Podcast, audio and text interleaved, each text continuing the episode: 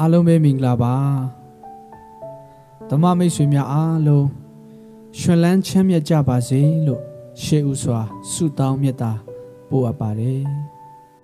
ယေရှုခရစ်ကိုလက်ခံပါဆိုတဲ့ကောင်းစဉ်အောက်မှာဓမ္မမိတ်ဆွေများကိုအားပေးချင်ပါတယ်ရှင်ယောဟန်ပထမဆောင်အခန်းကြီး9အပိုင်ငယ်စနစ်မှာတားတော်ကိုရတော်သူကြီးအသက်ကိုရ၏ ဘုရားသခင်ဤသားတော်ကိုမရတော်သူမူကားအသက်ကိုမရဒီနေ့ကျမ်းစာရဲ့အတိတ်ဘေကဘာကိုဆိုလိုတယ်လဲကျွန်ုပ်တို့ဒီထာဝရအသက်ရရန်ကျွန်ုပ်တို့၏ခွန်အားအစွမ်းတတိကိုယ်တို့ကောင်းမှုအားဖြင့်မရပါဘုရားသခင်သားတော်ဖြစ်သောယေရှုခရစ်တော်သည်ကျွန်ုပ်တို့၏အပြစ်ကိုစားအတိခံအသွေးသွင်းခြင်း တကြိုပြီးမှသုံးရက်မြောက်သောနေ့၌ထမြောက်ခြင်းကိုယုံကြည်လက်အသက်သခင်ကေတင်ပိုင်ရှင်အဖြစ်နှုတ်နှင့်ဝန်ခံသောသူမှသာသာရအတက်ကိုရရှိပါတယ်။ဘာကြောင့်လဲဆိုတော့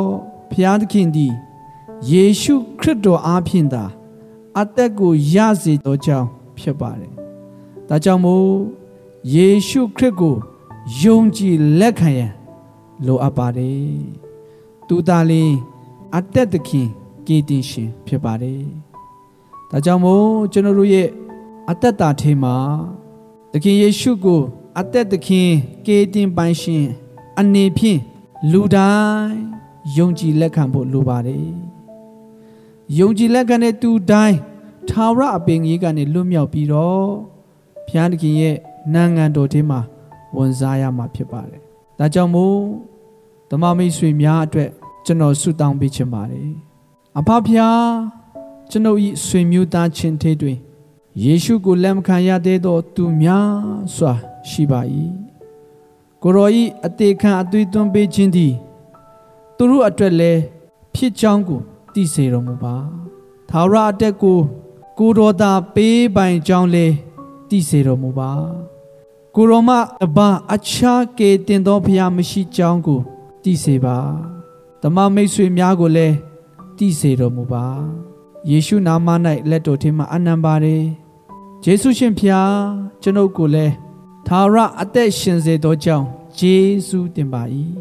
ကျွန်ုပ်၏အသက်တာအသေးတွေကိုရောဤကောင်းမြတ်ခြင်းကိုတက်တည်ခံတော်သူ ဖြစ်စေပါကိုရောဘုန်းတော်ထင်ရှားတော်သူ ဖြစ်ဖို့ရန်မှားစာပါ